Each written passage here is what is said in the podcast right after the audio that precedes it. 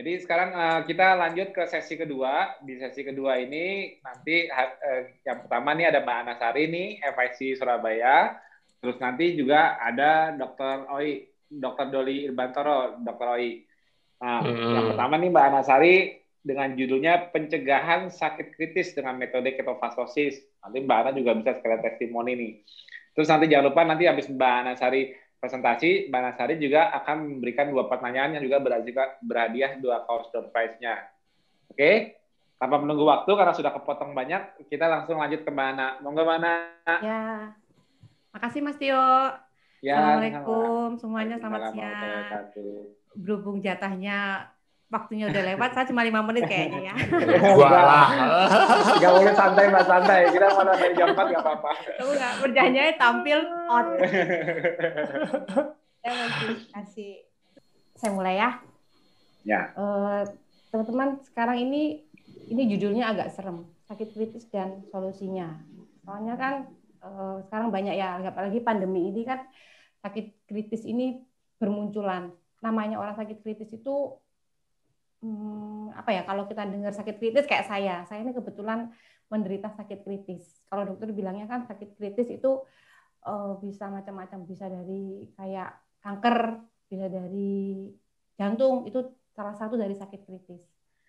Sedangkan gara-gara COVID ini jadinya pemicu sakit kritis itu menjadi semakin uh, semakin semakin banyak.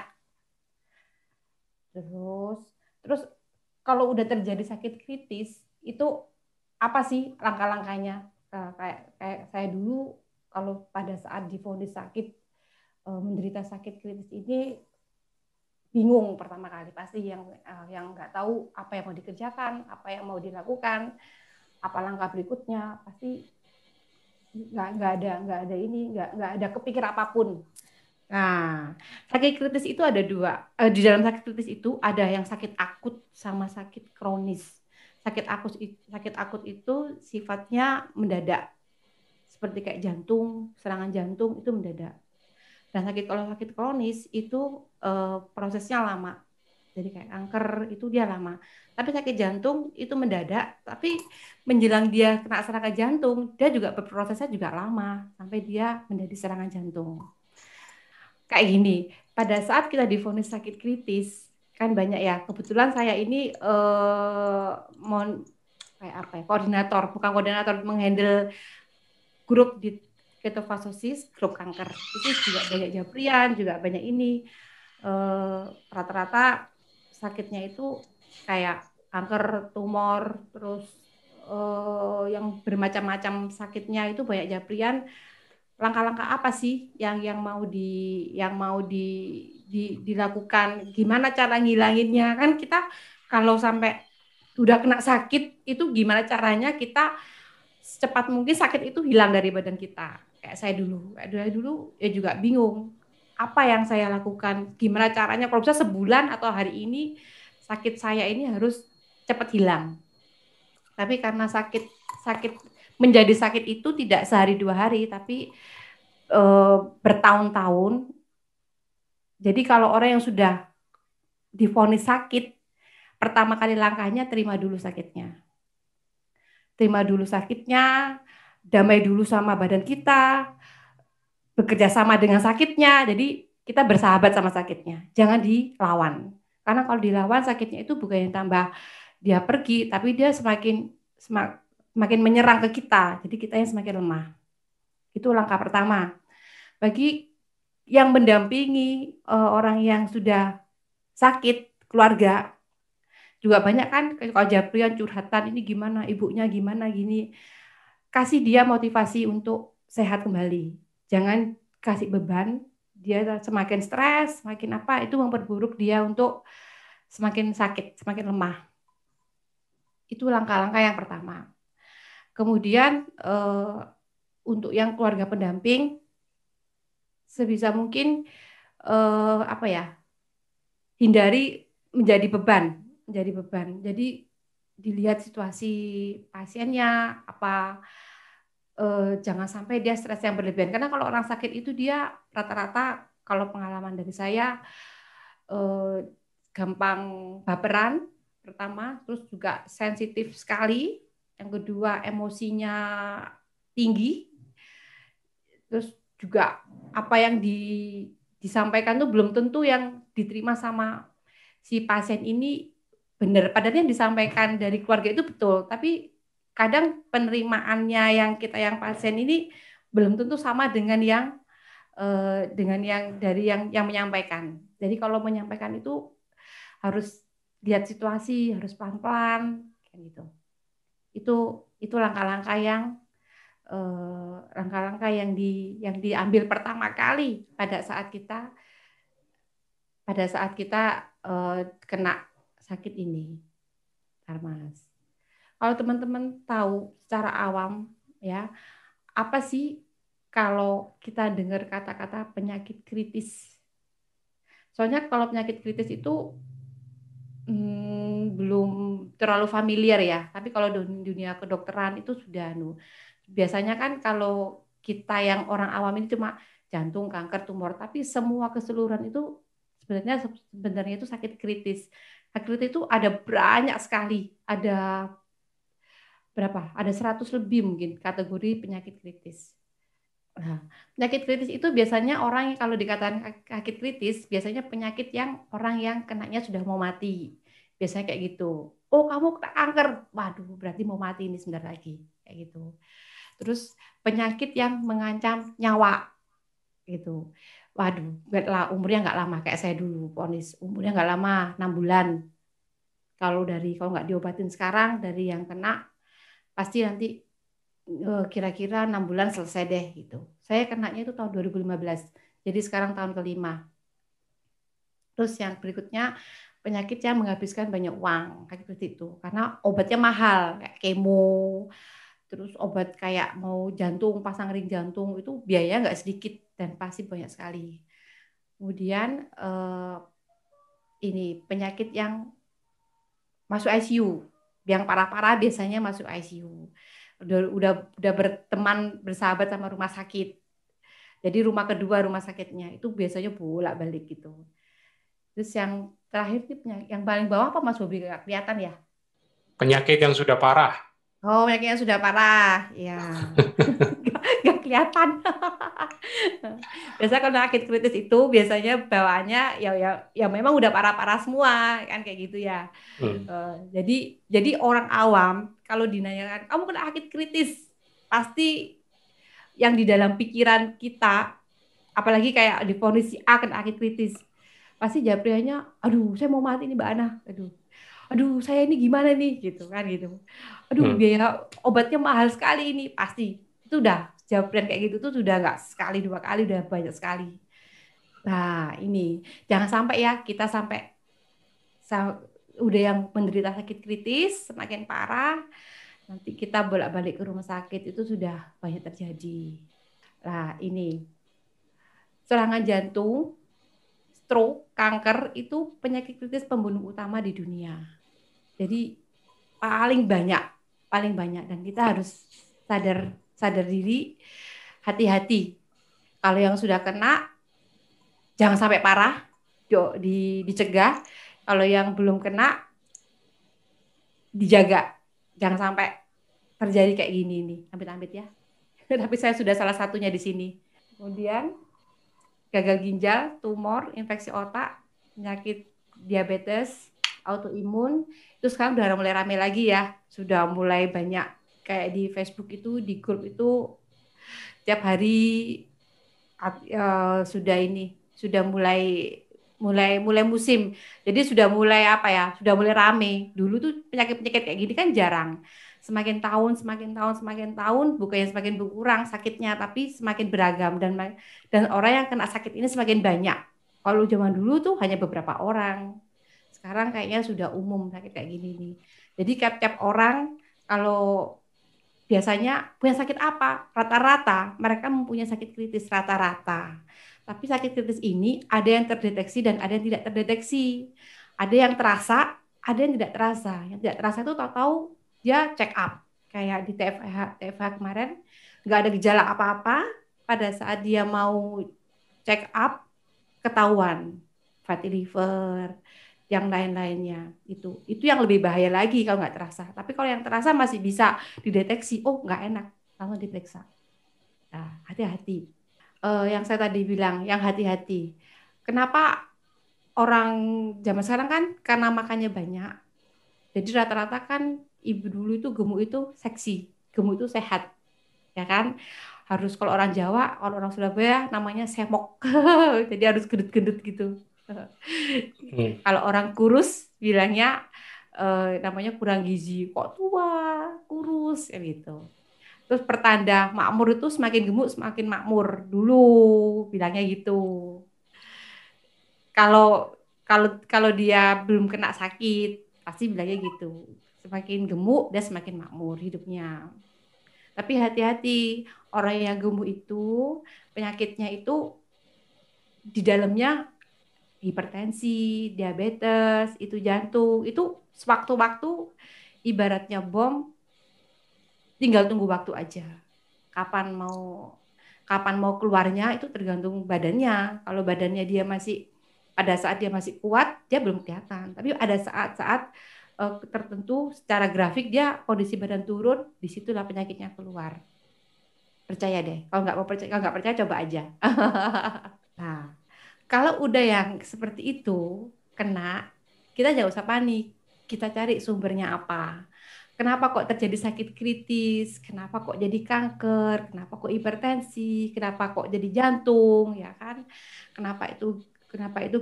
Kalau sudah kena ke kita, jangan usah panik. Kita ke dokter, oke. Okay. Kita berobat, oke. Okay. Tapi obat dokter itu tidak Eh, bukan mengobati penyakitnya, tapi dia hanya mengurangi inflamasi, meredakan, bukan mengobati. Tapi kita harus cari sumber sakitnya itu apa, dari mana, dari dalam kita, dalam dalam diri kita. Selagi diri kita nggak memperbaiki, nggak memperbaiki, nggak akan penyakit itu hilang. Jadi kita dengan tetap kita harus introspeksi ya.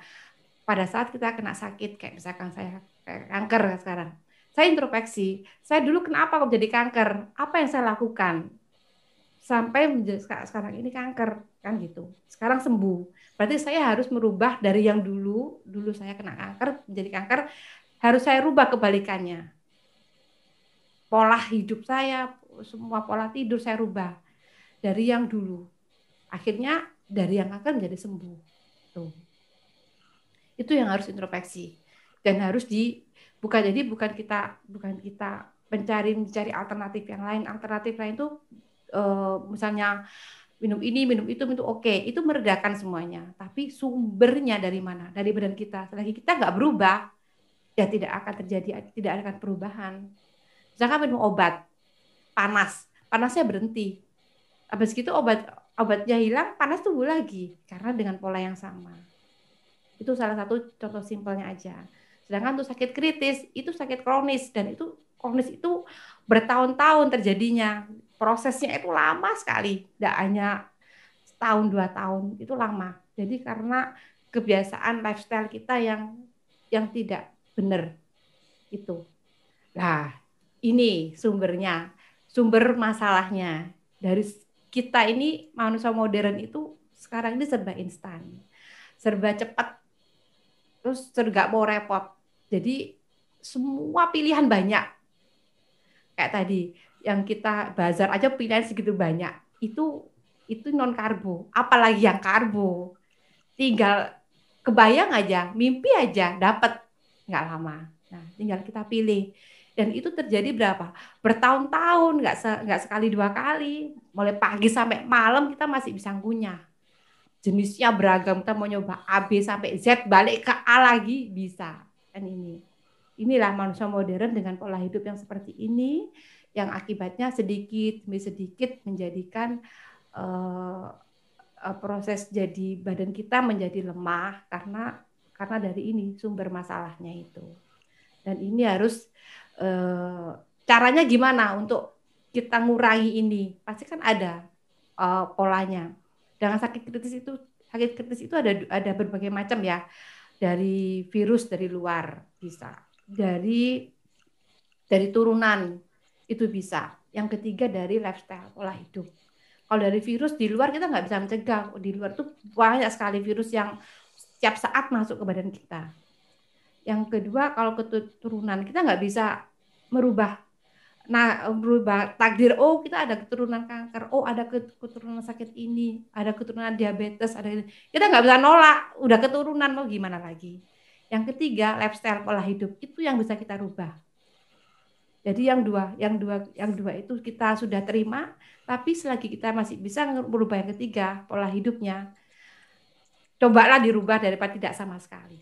Dan itu harus berubah. Kalau enggak ya gitu lagi. Nanti suatu saat akan terjadi penyakit kritis.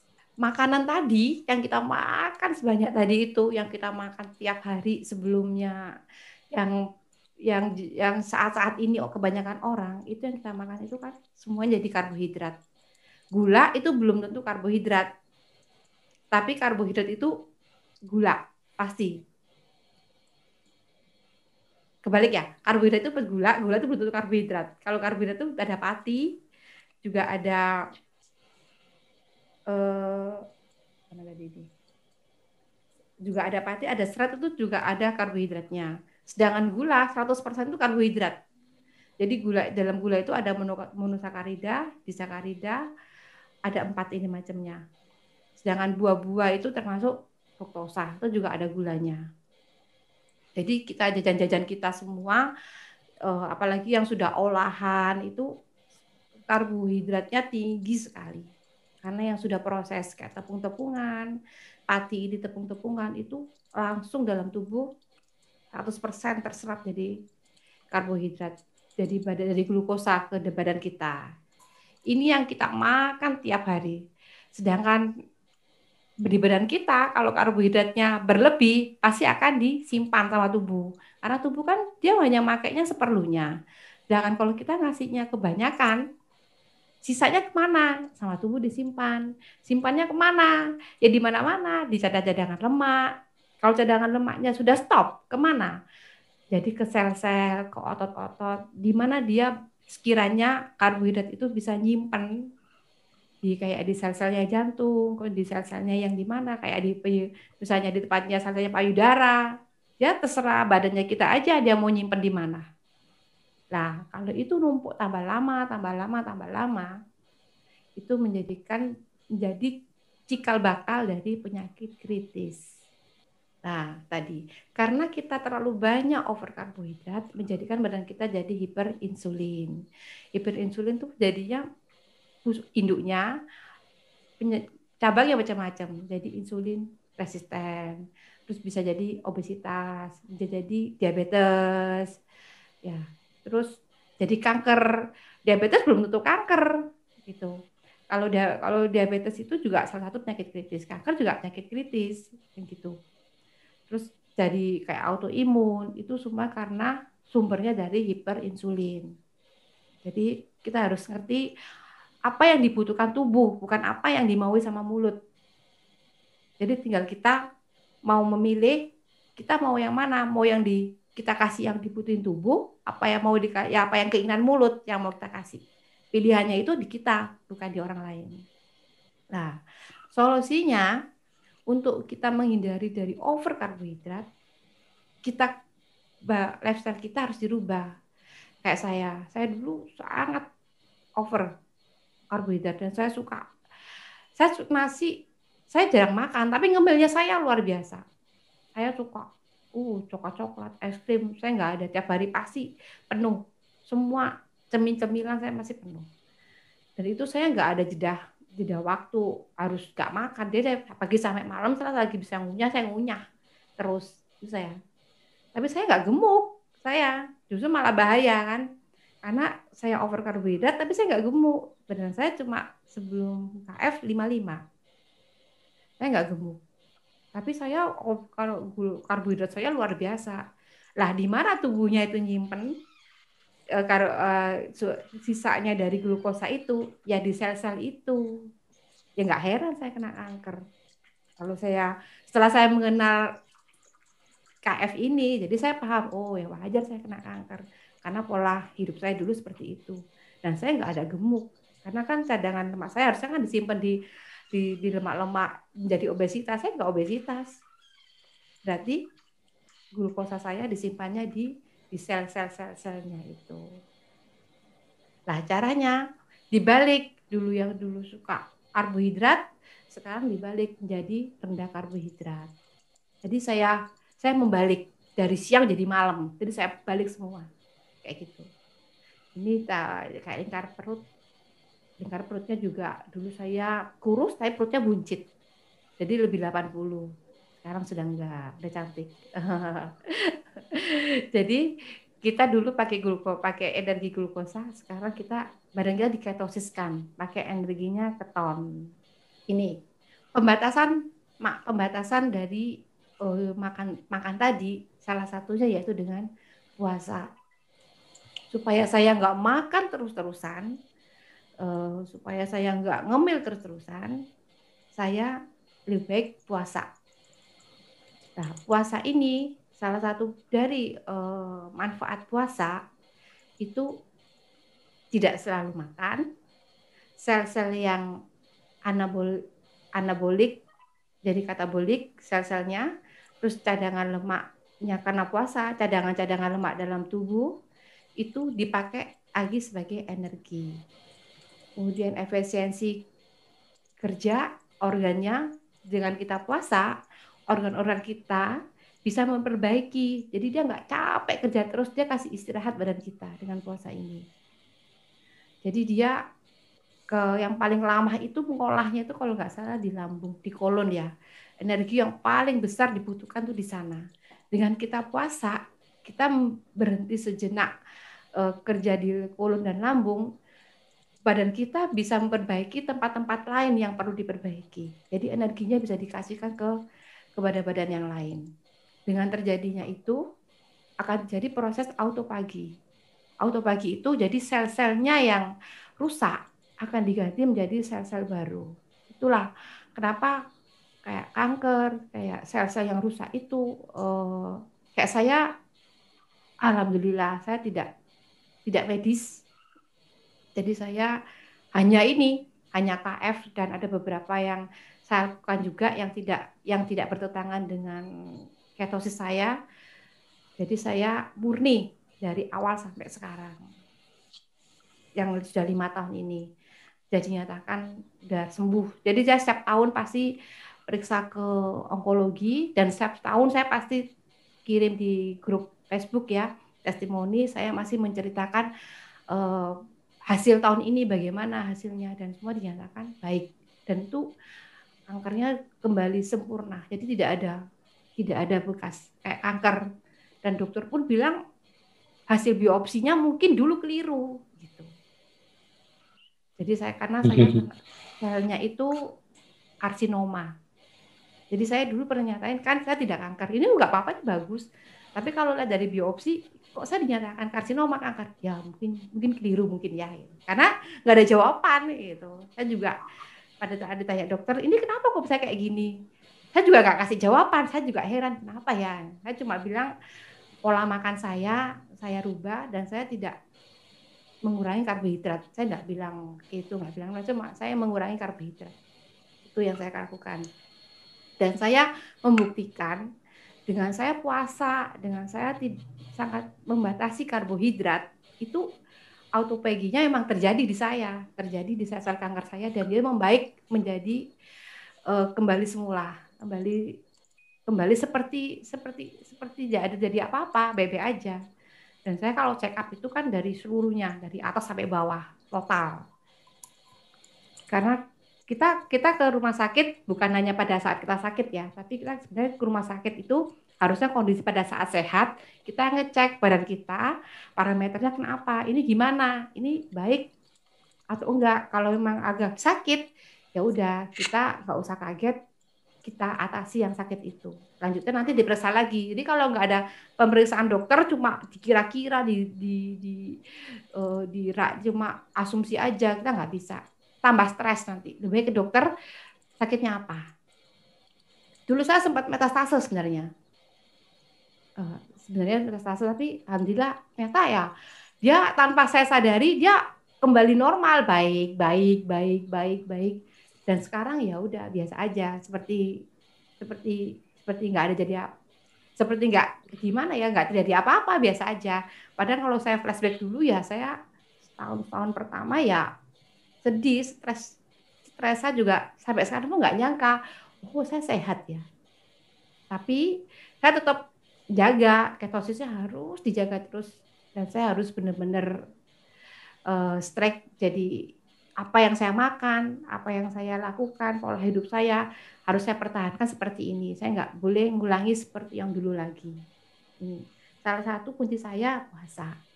Ini dengan puasa saya percaya autopagi saya dalam tubuh saya pasti akan bekerja dan itu terjadi.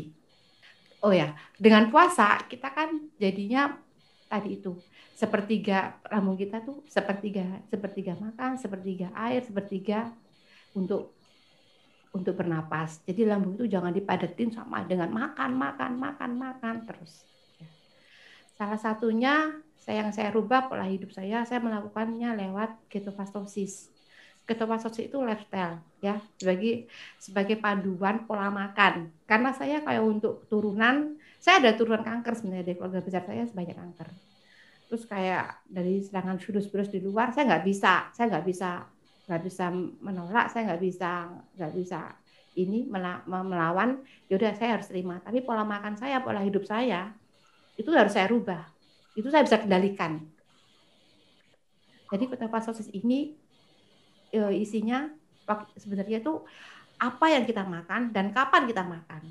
Itu itu jadi sebagai uh, center saya alat saya kapan waktunya kapan waktunya makan dan apa yang kita makan itu saya pakai polanya itu metodenya pakai ini yang saya lakukan sampai sekarang. Saya sudah empat tahun hampir lima tahun ya empat tahun delapan empat tahun delapan bulan e, Maret 2016 nah dalam protokol di Fasos itu ada protokolnya. Jadi kita harus e, belajar dulu pahami dulu ilmunya. Jangan sekedar katanya orang, jangan sekedar ikut-ikutan orang itu sembuh, tapi kita kok nggak sembuh, nanti kita jadi jadi baper sendiri. Yang ini pertama pelajari dulu, pelajari dulu ketofasus itu apa, terus protokolnya itu bagaimana, uh, semua itu sebenarnya dari tulis lengkap. Jangan pernah mau memodifikasi protokol sebenarnya. Jadi kalau orang yang dulu bilangnya ngaku KF tapi kita sakit lagi, itu itu saya kalau yang japri ke saya sih saya cuma bilang ya mungkin ada modifikasi protokolnya. Tapi kalau bilangnya enggak tapi setelah ditanya tanya tanya tanya tanya tanya lagi ngobrolnya panjang baru ketahuan. Biasanya kayak gitu. Nah untuk fase-fasenya itu di protokol itu ada tiga ya fase induksi konsolidasi dan maintenance kalau untuk orang yang punya sakit kayak saya ini, biasanya saya lebih cenderung ke fase induksi. Sebenarnya fase induksi itu transisi energi dari karbo ke proses ke energi lemak. Jadi karena kita badan kita dulunya penuh dengan karbo, jadi kita mulai mulai dikurangi karbonya. Jadi kita makannya itu hanya makannya lemak. Lemak itu bukan lemak saya nggak bilangnya, saya bilangnya hewani. Kalau lemak saya nggak suka lemak sebenarnya. Saya kulit nggak suka. Saya lemak lemak gaji saya nggak suka. Jadi saya makannya tiap hari itu ayam, telur, ikan.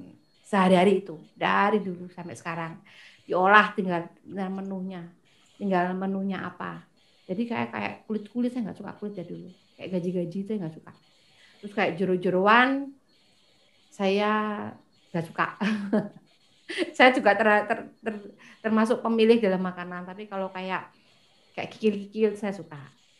Cuma ya jarang tapi yang menu harian itu ya ikan ayam ikan ayam telur setiap hari.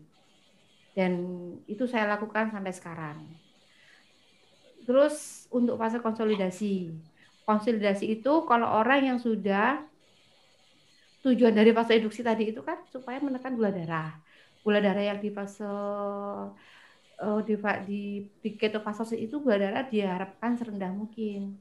Karena apa? Karena supaya uh, badan kita, orang yang punya penyakit seperti saya ini, supaya tidak dikasih lagi untuk makanan buat penyakit glukosa ini. Jadi glukosanya kalau darah uh, darahnya dibuat serendah mungkin. Kalau sudah sudah enak di fase induksi, sudah gula darah udah bagus, sudah rendah, udah nyaman, mau nyoba ke konsolidasi boleh. Itu kalau kita sudah uh, full keton ya. Jadi puasanya itu kalau induksi 16 jam puasa, jam 8 8 jam makan. Kalau konsolidasi itu bisa 20 jam puasa, 4 jam makan itu kalau konsolidasi kita boleh boleh makan nabati kayak tahu sayur itu boleh. Tapi kalau orang bilangnya saya udah boleh konsolidasi tiap hari dia makan tahu makan sayur tiap hari jadi jadi makanan pokok. Sebenarnya salah. Kalau mau konsolidasi misalnya kalau kita kangen tahu udah makan aja tapi sesekali makan seminggu makan aja sekali dua kali nggak apa-apa. Itu pun jangan jumlah yang besar. Tetap hewani induksinya itu porsinya jumlahnya yang besar. Jadi untuk nabatinya porsinya sedikit. Dengan catatan sudah melakukan puasa panjang. Jadi jangan 16 jam kita puasa, habis itu kita makan tahu, makan sayur, jangan. Jadi tetap kayak ini. Setelah selesai konsolidasi, kalau sudah sudah lama, sudah lama, udah stabil semuanya, maintenance boleh. Naik, naik kelas maintenance. Maintenance itu boleh makan kayak ada buahnya boleh tapi dengan catatan puasanya juga harus lebih panjang. Jadi puasanya bisa 22 jam puasa, 2 jam makan. Di situ boleh makan buah. Juga gula darahnya juga harus terkontrol, benar-benar dia stabil di bawah 80. Itu. Jadi protokol itu sebenarnya tidak perlu dimodifikasi, tapi fleksibel. Untuk orang yang ibu hamil, orang-orang tua, menyusui, itu boleh langsung ke fase konsolidasi. Karena apa? Karena dia ada uh, harus memberikan asupan energi untuk kayak ibu hamil, ada anaknya menyusui juga ada anaknya harus diberikan uh, energi. Jadi dia berbagi. Jadi boleh ke konsolidasi. Untuk orang manula, orang usia tua karena dia udah tua, udah fisiknya lemah, itu boleh ke konsolidasi. Tapi jangan tetap jangan dijadikan itu menu sebagai menu pokok nabatinya. Jadi kembali ke induksi tadi, ke hewani yang porsinya jumlahnya lebih besar. Kalau maintenance itu pun tidak tiap hari. Jadi kalau memang sesekali, kalau udah sudah ada benar-benar ketosis badannya, boleh boleh silakan ke maintenance dengan catatan dia melakukan puasa panjang. Itu ya. Jadi sudah paham ya untuk orang yang sakit diusahakan induksi. Kayak saya saya setiap hari induksi setiap hari menu harian saya ya induksi. Karena kalau menabati konsolidasi saya tahu-tahu saya nggak terlalu suka ya seandainya suka pun saya cuma cuma satu asal mungkin buat kangen pengen oh tahu biar nggak lupa rasanya tahu saya makan tahu gitu aja tapi sehari-hari menu pokok saya itu tadi ikan telur ayam nggak pernah berubah dari itu dalam KF dalam protokol KF itu ada ada sasarannya yang harus di yang yang dirujuk. Jadi kayak gula darah, gula darah itu kalau kita untuk yang di KF itu diusahakan di bawah 80. Untuk yang terapeutik yang punya penyakit itu diusahakan di gula darah 55 65. Jadi misalnya kalau kayak kayak ada kanker itu diusahakan gula darah serendah mungkin. Tapi tidak bisa instan. Itu proses. Tidak bisa dalam satu minggu, dua bulan, tiga bulan gula darahnya nanti langsung akan turun. Tidak bisa. Itu udah prosesnya. Jadi untuk yang punya orang sakit itu udah jalannya aja. Yang penting rubah pola hidupnya dari yang dulu seperti apa dirubah kebalikannya sekarang ini jadi jangan samakan dengan pola yang dulu. Itu salah satu e, kuncinya. Jadi ini benar di, di protokol sudah ada sih kolesterolnya. Jadi kalau di, di KF itu kolesterolnya lebih tinggi. Kita kolesterolnya tinggi, asam uratnya tinggi. Jadi gitu. Tapi gula darahnya rendah. Karena kolesterol dan asam urat itu sebenarnya penting buat tubuh. Berhubung dulu kita makan karbo, gula darahnya juga tinggi. Jadinya kolesterol dan gula darahnya dianggap kolesterolnya jahat bermusuhan. Sebenarnya karbonya yang jahat, bukan kolesterolnya. Nah, tapi dengan kita di ketofastosis ini, di KF ini, di ketosis ini, uh, gula darahnya dibuat rendah mungkin. Ini, ini target-target yang diharapkan. Acuannya ke sini. Jadi kalau memang KF gula darahnya masih tinggi, ya harus introspeksi apa yang salah. Pasti ada yang salah, nggak mungkin. Harus jujur sama diri sendiri. Jangan nanti kalau kita curhat sama kayak Mas Tio, curhat ke Mas Tio, WA aja ke saya, oh saya melakukan ini. Itu kan ke, orang, tapi harus jujur sama diri sendiri. Kita udah ngelakuin apa sih? Saya setiap hari kayak gitu. Saya kalau ada terasa nggak enak atau apa, saya pasti tanya sama badan saya, saya habis ngapain ya? Oh, saya habis ngelakuin apa ya? Saya makan apa ya?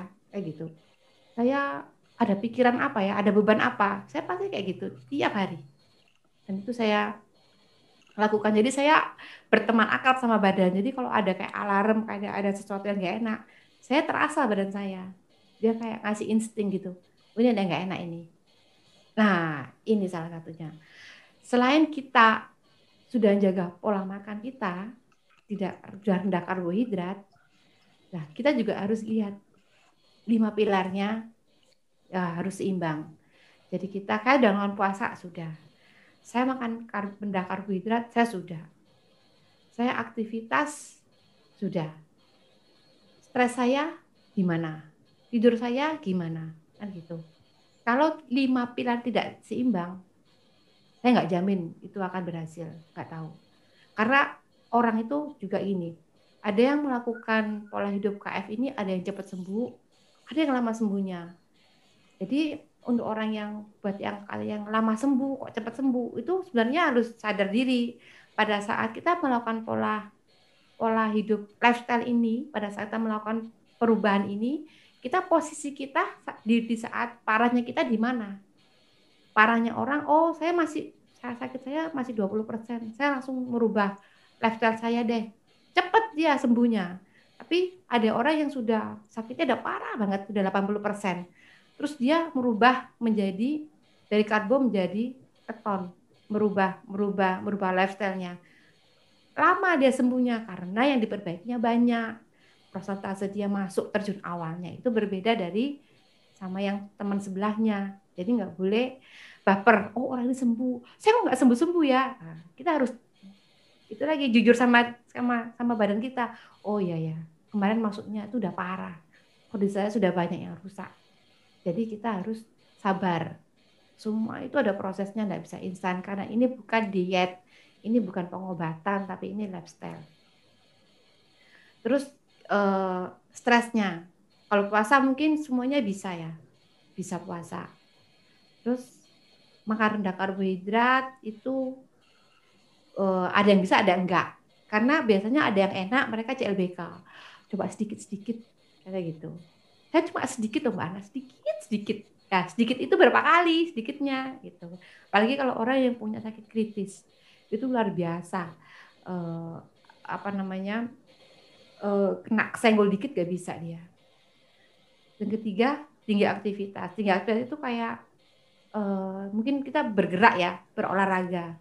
Berolahraga itu untuk orang yang sakit itu tidak harus keluar, tapi lakukan dalam rumah intinya otot kita harus bergerak karena supaya uh, yang ada penyakit kayak kanker. Dia kanker tuh selain dia makan karbo, karbo glukosa dari dalam, dia juga makan glutamin. Badan kita juga dimakan dari otot kita. Jadi otot kita harus digerakkan supaya glutaminnya itu nggak diambil sama sel-sel kanker ini, tapi otot kita yang ngambil duluan. Caranya kalau orang yang misalnya yang udah lemah gitu, apa aja deh yang bisa dia buat gerak. Untuk pendamping dikasih misalnya dia kayak ini uh, kayak kasih air minum di botol gitu. Oh tangannya digerakin. Kalau misalkan dia badan yang ke atas dia lemah kakinya kakinya dia bisa untuk bergerak kakinya digerakkan. Intinya dia harus bergerak. Kayak gitu. Jadi dia harus melakukan aktivitas. Misalkan kalau dia enak ya bergerak. Kalau capek dibuat tidur dibuat istirahat. Jadi jangan dipaksakan. Intinya jangan memaksakan sesuatu. Jadi kita harus kita harus ngerti sama tubuh kita. Karena tubuh kita sama tubuh orang lain nggak sama tubuh orang lain itu kekuatannya 10 kita cuma 5 ya sudah kita sadar diri di 5 ini gitu terus stresnya stresnya nggak boleh tinggi saya paham kalau orang sakit itu pasti stresnya tinggi kayak saya ciri-ciri orang sakit itu biasanya emosinya nggak terkendali. Terus dia sensitif banget, dia gampang marah. Pemikirnya luar biasa. Harusnya nggak ada nggak nggak nggak usah dipikir. Tapi kalau orang yang punya sakit, sakit kritis, itu mikirnya sampai berlipat-lipat dan berhari-hari, berbulan-bulan biasanya. Kalau orang Jawa bilangnya mendem jero, simpen dalam hati gitu. Harusnya tuh sesuatu yang nggak perlu dipikirkan, tapi kalau orang sakit dia yang mikir itu kita nggak nggak bisa ini nggak bisa nggak bisa tidak bisa pendamping biasanya nggak nggak sabar iya itu semuanya dipikir semua dipikir tapi memang secara psikis orang yang menderita sakit memang begitu gitu kita harus pendamping harus maklum dan orang yang sakit harus berjuang jangan dilakukan itu harus bisa keluar dari dari kondisi itu gimana caranya kalau orang yang punya hobi masak, masak, kerjakan hobinya. Hobi jahit, jahit. Kerjakan apa yang jadi hobi yang jadi hati kita gembira. Mau nonton film banyak film gratis, nonton aja. Jadi apa yang kita jadi hobi, kesukaan, kesenangan, lakukan, lakukan dengan dengan dengan dengan happy jadi kita. Jadi kita nggak terlalu mikir sakit, sakit, sakit. Sakit tuh biarkan, udah masuk dalam tubuh kita, udah terjadi ya biarkan dulu biarin sakit itu kita berdamai sama sakitnya tapi kita lakukan jangan dikasih makan sakitnya kita kurangi sedikit sedikit sedikit sedikit gitu terus kalau orang sakit biasanya tidurnya kurang kurang nyenyak. Tidak berkualitas itu intinya uh, ini suka kebangun-bangun gelisah. Biasanya kayak gitu. Biasanya kalau orang tidur berkualitas itu tidurnya benar-benar pulas gitu nyenyak. 6 jam tapi dia pules. Tapi kalau orang yang tidur 10 jam, tapi nggak boleh bangun, bangun lagi. Kayak nggak nggak tidak tidak nyaman untuk mulai tidur lagi lama lagi gitu. Itu tidak berkualitas. Jadi kita harus harus ini harus menseimbangkan lima pilar ini diseimbangkan se sedemikian gimana caranya kita supaya ini bisa terjadi. Yang bisa bikin ini terjadi badan kita sendiri bukan orang lain gitu ya jadi itu yang saya jadi kalau setiap kali ada japrian sih saya cek gimana lima pilarnya jadi bukan kita tiap-tiap kali oh mesti tanya lima pilar lima pilar karena memang lima pilar ini yang bikin badan kita seimbang metabolisme kita bagus tidur yang cukup itu bikin bikin badan kita uh, bekerja jadi sel-sel kita itu perbaikannya pada saat kita tertidur lelap. Jadi diusahakan kita bisa tidur. Lah, udah selesai itu aja. Terima kasih. Udah 30 menit ya? 10 menit kelebihan kayaknya ya. Enggak apa-apa. Gitu tadi ya. bilangnya mau 5 menit kan enggak mungkin. ya, eh. udah. Thank you, thank udah. you, Mbak Ana. Ya. Seru. Uh, sudah, sudah Mas. Sudah. Oh, udah, udah lama-lama Mas. Lima menit aja, dokter. keren, keren tapi Mbak. Tapi keren. Itu pengalaman Mbak itu memang harus dibagi. Karena kan banyak yang penyakit kritis lain kan kadang-kadang kurang memperhatikan hal-hal ya katanya sih sepele tapi tapi itu justru yang malah sering dilupakan dan itu memang yang kita bolak-balik harus sering ingatkan di ya kok nanya itu mulu sih ya memang itu kuncinya iya benar kadang-kadang orang kan betul ini kayaknya Mas Tio kalau dijawabnya kalau aku ada ngeluh gejala pasti kayak dicek ulang semua gitu kayak gak percaya. Tapi kita harus tahu jangan sampai kita udah kasih solusi ini terus padahal akarnya kita akarnya dia nggak ngaku. Kalau iya, di sini ya. Iya. kita yang kita sebagai yang mentoringnya juga bingung kalau kalau kita disuruh pusing nyari penyebabnya kok saya bisa begini ya? Kok saya bisa ngerasa kayak gini ya? Tapi dia nggak nggak kita nggak boleh ngetrace akarnya ya tetap seperti kayak baru awal japrian lagi aja harus dicek lagi gitu loh. Karena iya. kita kan itu kan itu kan akumulasi. Jadi iya. Kalau yang tadi Mbak bilang katanya dengan puasa dan tidak makan karbo memang bisa menurunkan gula darah. Tapi coba aja nggak tidur. Tapi coba aja stres. Tapi coba aja sedentari. Bisa nggak tetap gula darah di bawah bagus terus? Nggak bisa. Karena karena kan dipikirnya orang kan yang penting yang puasa udah nggak makan karbo. Ya saya kan, tapi kan gula, pabrik gula itu kan liver. Ya kan, memangnya memangnya kalau misalnya contohnya nih, contohnya saya kanker nih contohnya. Emang sel kanker tahu itu gula buatan liver. Oh ini buatan liver, sel kanker uh, sel kanker lihat gula buatan liver. Oh yang liver jangan aku nungguin yang gula dari makanan aja. Ya nggak bisa. Nah ini aku mau nambahin uh, dikit doang nih sebelum Mbak masuk ke quiz. Kemarin aku di grup Telenakes menjelaskan mengenai apa itu sel hipermetabolik. Ini nggak apa-apa ya sebelum masuk quiz ya Mas Budi ya? Iya. Yeah. Jangan lama-lama. Ya. Semangat soalnya. Aku, aku, aku, aku kayak Mbak Anasari cuma lima menit. Tambah tol belakangnya. Oke oke, ya benar saya lima menit. Iya. Ya, kalau kalau yang di tenaga udah aku jelaskan, tapi kan mungkin awam perlu tahu. Jadi sel hipermetabolik itu ialah cara metabolisme sel normal maupun sel cancer. Nah, jadi sel normal kita bisa bersifat seperti sel cancer alias hipermetabolik kalau sel normal kita mengalami satu sel normal kita sel normal kita metabolisme dibajak oleh virus. Contohnya sel-sel epitel paru. Contohnya ini kita kembali ke pandemi COVID. Kalau sel epitel paru kita sedang terinfeksi oleh virus, sel epitel paru kita yang tadi metabolismenya normal bisa menjadi hipermetabolik alias tinggi penggunaan glukosa, glikoitik. Tinggi tinggi proses anaboliknya karena dibajak. Tuh, satu. Atau sel normal kita sedang melakukan fungsi efektor. Contohnya sel imun kita. Sel imun kita pada saat diam dia normal metabolismenya menggunakan mitokondria. Tapi begitu dia ada tantangan antigen, tantangan musuh dari luar, dia harus merespon melawan balik, otomatis kan dia harus membelah diri, proliferate, memperbanyak diri leukositnya, Ya, contohnya contohnya sel anggap aja makrofag dulu deh. Atau dendritik. Pada saat dia membelah diri itu, dia harus bersifat hipermetabolik. Dan bagi sel yang harus mensekresikan tanda bahaya, alat dia mensintesis protein sebagai signalnya, yaitu contohnya sitokin, dia berarti kan harus bersifat anabolik karena dia harus produce. Karena bakal digunakan sebagai signaling seluruh tubuh. Sel tersebut walaupun normal, tapi ada ada ada masanya dia bersifat hipermetabolik. Tapi bedanya dengan sel cancer, sel cancer ini adalah sel normal yang berupa yang berubah hipermetabolik tapi tidak bisa kembali normal. Dia selalu di kondisi hipermetabolik terus. Kenapa? Karena yang dibilang cancer itu artinya dia membelah tanpa aturan. Menekan ke segala arah. Nah, itu yang membuat patofisiologi dari sel kanker itu kenapa patologi kanker menjadi patologi karena ini yang berbahaya. Dia menyebar metas, dia menekan ke segala arah. Artinya dia sel yang makanya kan aku bilang sel kanker itu bukan sel asing masuk ke tubuh kita terus jadi kanker, enggak. Sel kanker itu contohnya sel payudara atau misalnya uh, sel di jalur rahim, rata-rata itu awalnya sel epitel juga, tapi dia menjadi sel yang membelah tanpa aturan.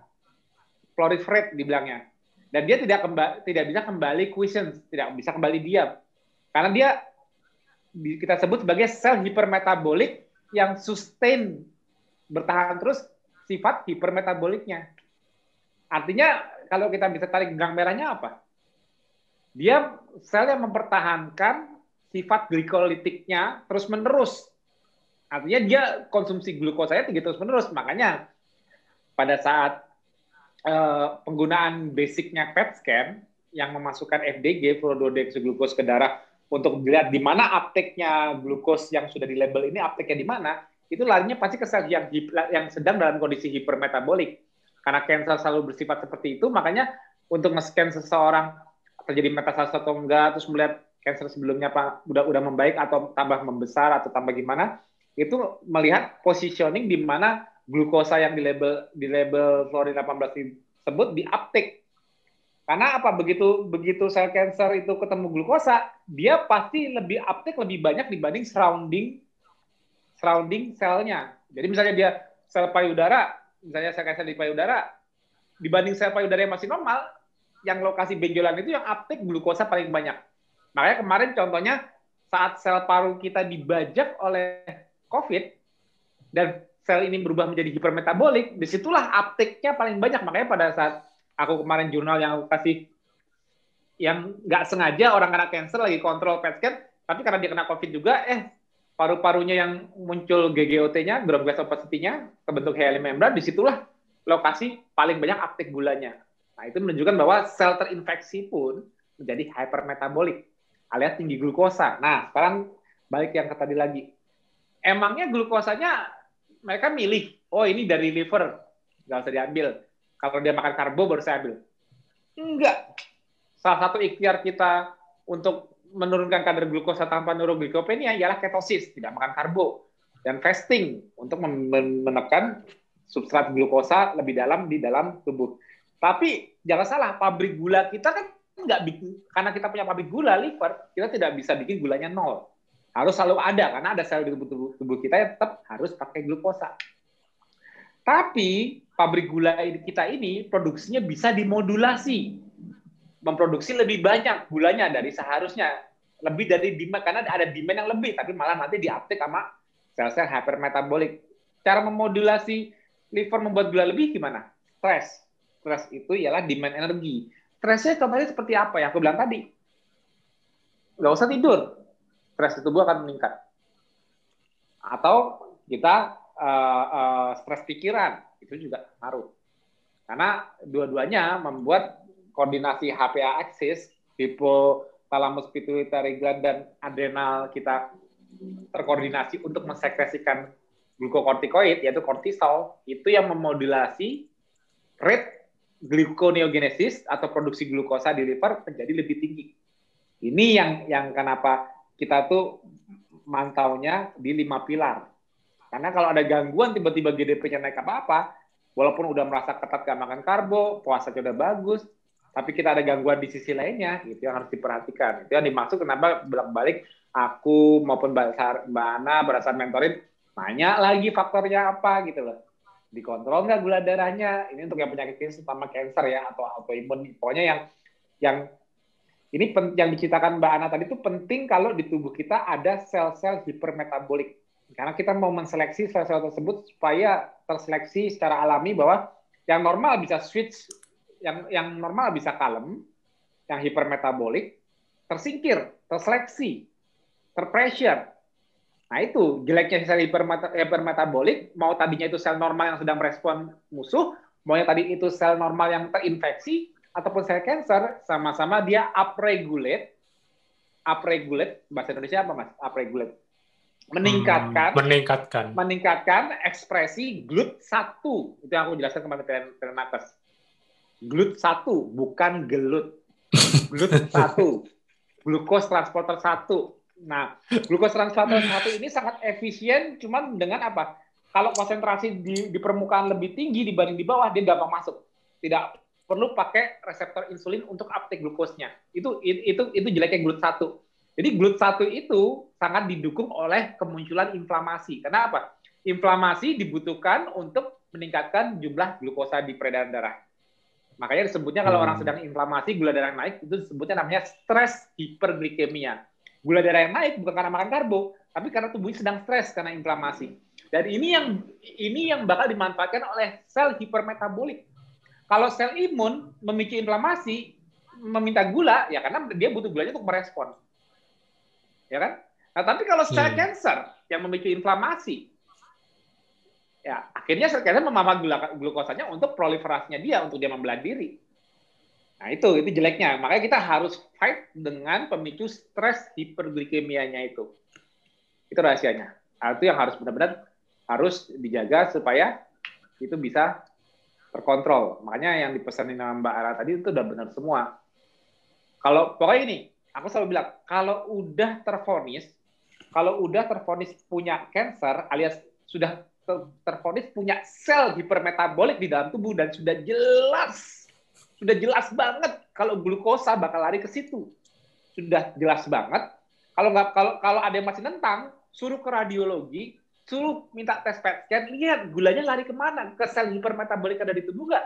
Kalau iya ya udah, kenapa maksa? Masih masih pengen makan kayak Mbak Ana tadi bilang ngicip ini, ngicip itu, cuma hanya untuk kepuasan batin, tapi langsung inget dong, oh di tubuh gua ada sel hipermetabolik yang lagi aku lawan.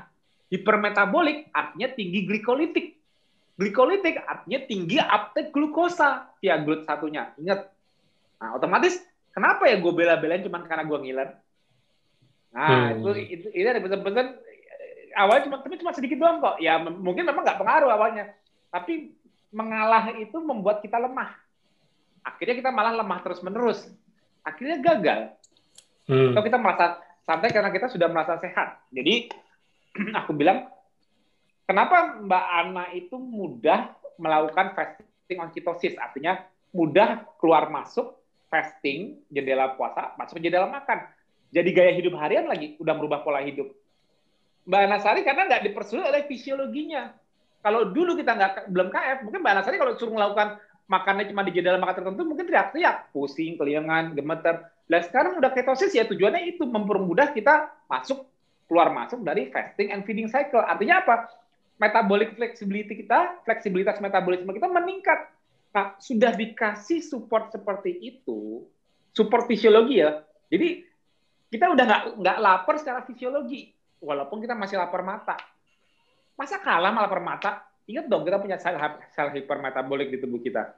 Hmm. Itu yang harus kita fight. Nah, dengan Mbak Ana berikhtiar menjaga polanya tadi itu lima pilar dan lima pilar ini karena Mbak Ana pasti sudah ngerti faktorialnya ternyata untuk untuk makanan sel hipermetabolik faktorialnya nggak ternyata nggak cuma makanan doang kalau aku stresnya tinggi ya aku sama aja nyuapin sel, sel hipermetabolikku via liverku hmm. bedanya sub substratnya bisa dari gliserol bisa juga dari ototku dirontokin kalau inflamasi nggak turun-turun nah karena karena pengertiannya udah dalam jadi tahu Mbak Ana dengerin badannya.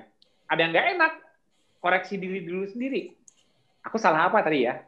Makanan, hmm. udah oke. Okay.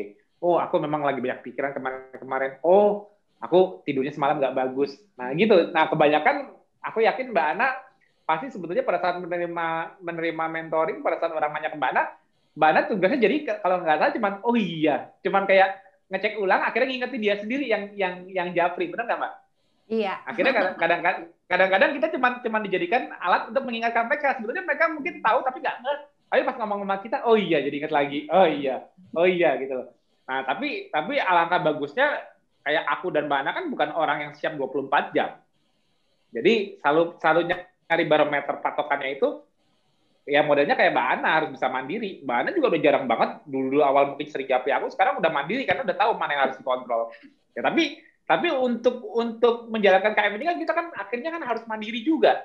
Walaupun kita tetap bisa di, ngobrol di komunitas apa-apa, tapi untuk kesehatan diri sendiri kita akhirnya harus mandiri, harus ngerti benar-benar, harus nyari ilmunya supaya kita paham dan kita bisa jaga uh, badan kita sendiri, tahu mendengarkan. Jadi seperti Mbak Ana bilang tadi, ya ya fungsi sakit diciptakan nama Allah yaitu sakit alias ingat. Nah kalau kita sakit, tujuan utamanya ialah mengingat salahnya di mana ya kok sakitnya terasa lagi? Itu rahasianya sakit. Jadi sakit adalah ingat. Nah, kenapa tadi Mbak Ana bilang kalau kalau gaya hidup dulu kayak Mbak Ana makan banyak ngemil apa-apa tapi nggak bisa gemuk. Tapi mungkin Ana, Mbak Ana di situ dulu badannya mungkin udah nggak enak. Maksudnya maksudnya nutupin lagi dengan makan. Walaupun nggak gemuk tapi kayak kayak gampang apa udah udah mulai ada low grade inflamasinya. Udah berasa tetap cuma diabaikan terus. Tapi manifestasinya ya penyakitnya Mbak Ana itu. Hmm. Nah, akhirnya akhirnya koreksinya ialah kembali membuat sakit adalah alarm terbaik untuk ingat. Kenapa? Di kondisi kita masih makan karbo, susah mengandalkan sakit sebagai ingat. Kenapa? Karena sakitnya selalu ditutupi dengan makanan. Alarm kita disfungsional. Ya makanya sekarang banyak orang metabolic syndrome, seperti Mbak Ana bilang tadi, kronik, tapi kronik itu merupakan akumulasi dari sakit-sakit yang ditutupin, nggak kerasa terus begitu sakitnya udah nggak bisa ditutupin lagi, itu sudah ditemukan dalam kondisi kronik, chronic disease. Udah bukan penyakit akut atau baru masuk terus nanti tiga hari bisa hilang, nggak bisa. Ini kan udah akumulasi. Nah, penyebab akumulasinya itu kemarin-kemarin kenapa? Karena kita tidak mendengarkan alarm kita. Kenapa kita tidak mendengarkan? Karena alarmnya nggak kedengeran. Kenapa bisa nggak kedengeran? Karena kita tinggi glukosa, tinggi karbo di makanan. Nah, itu lihat jeleknya kalau kita mengandalkan karbo sebagai sumber energi, alarm kita jadi kayak shutdown. Jadi pada saat tubuh kita hiperglikemia tinggi gula, kita nggak ngerasa apa-apa. Maka banyak orang yang secara insidental menemukan gula darahnya di 200, 300 dalam kondisi dia nggak ada gejala. Tapi sering kita menemukan orang yang bergejala saat dia telat makan, lupa makan, apa bergejalanya cepet banget ngingetin alarmnya. Kenapa? Karena gula darahnya turun, cuma 70, 60, langsung kelingan, gemeter, tremble. Jadi kalau kita masih makan karbo, yang mengingatkan kita kalau ada masalah, itu kalau gula darah rendah. Padahal gula darah rendah ini, kalau kita nggak bergejala, berarti kita adaptasi dengan kemampuan berpuasa. Karena berpuasa pasti menurunkan gula darah. Tapi kalau kemampuan makan terus yang membuat hiperglikemia tidak mengingatkan kita untuk berhenti, bubar jalan. Kenapa? Karena efek alarmnya nggak kedengeran, gula 200 nggak kedengeran ini, nantinya kalau udah lima tahun dari sekarang, akhirnya kedengeran. Pada saat kedengeran, udah telat. Udah banyak kerusakan di mana-mana. Karena apa? Sering terjadi angka 200 ini tanpa gejala. Hmm. Nah, makanya lebih mau diingatkan saat gula darah tinggi apa gula darah rendah? Lebih mau diingatkan pada saat kebanyakan makan apa karena telat makan? Mau diingatkan di mana? Tubuhnya, hmm. tubuhnya mau disetting di mana nih alarmnya? Karena kalau kita mau mencegah suatu kekronisan, mencegah suatu degeneratif, proses degeneratif tubuh kita terjadi, yang aku ingatkan ialah bikin tubuhmu ngeset alarmnya di posisi, di posisi hiperglikemia. Kamu cheating, alarmnya bunyi, biarin aja. Kan lompat gula darahnya, wajar dong kalau bunyi. Tapi kan kamu diingatkan alarmnya. Daripada kamu telat makan, udah diingetin, aduh akhirnya makan lagi, makan lagi. Makanya pilih di mana? Settingan zaman modern, Ya seperti itu. Kalau zaman dulu, saat orang masih mencari makan, kalau gula darah rendah membuat mereka bergejala, mereka nggak bisa cari makan. Sedangkan makan hmm. harus cari dulu. Kalau sekarang, untuk menstopkan orang makan, gejalanya nggak muncul. Tapi mengingatkan orang untuk segera makan, muncul terus gejalanya.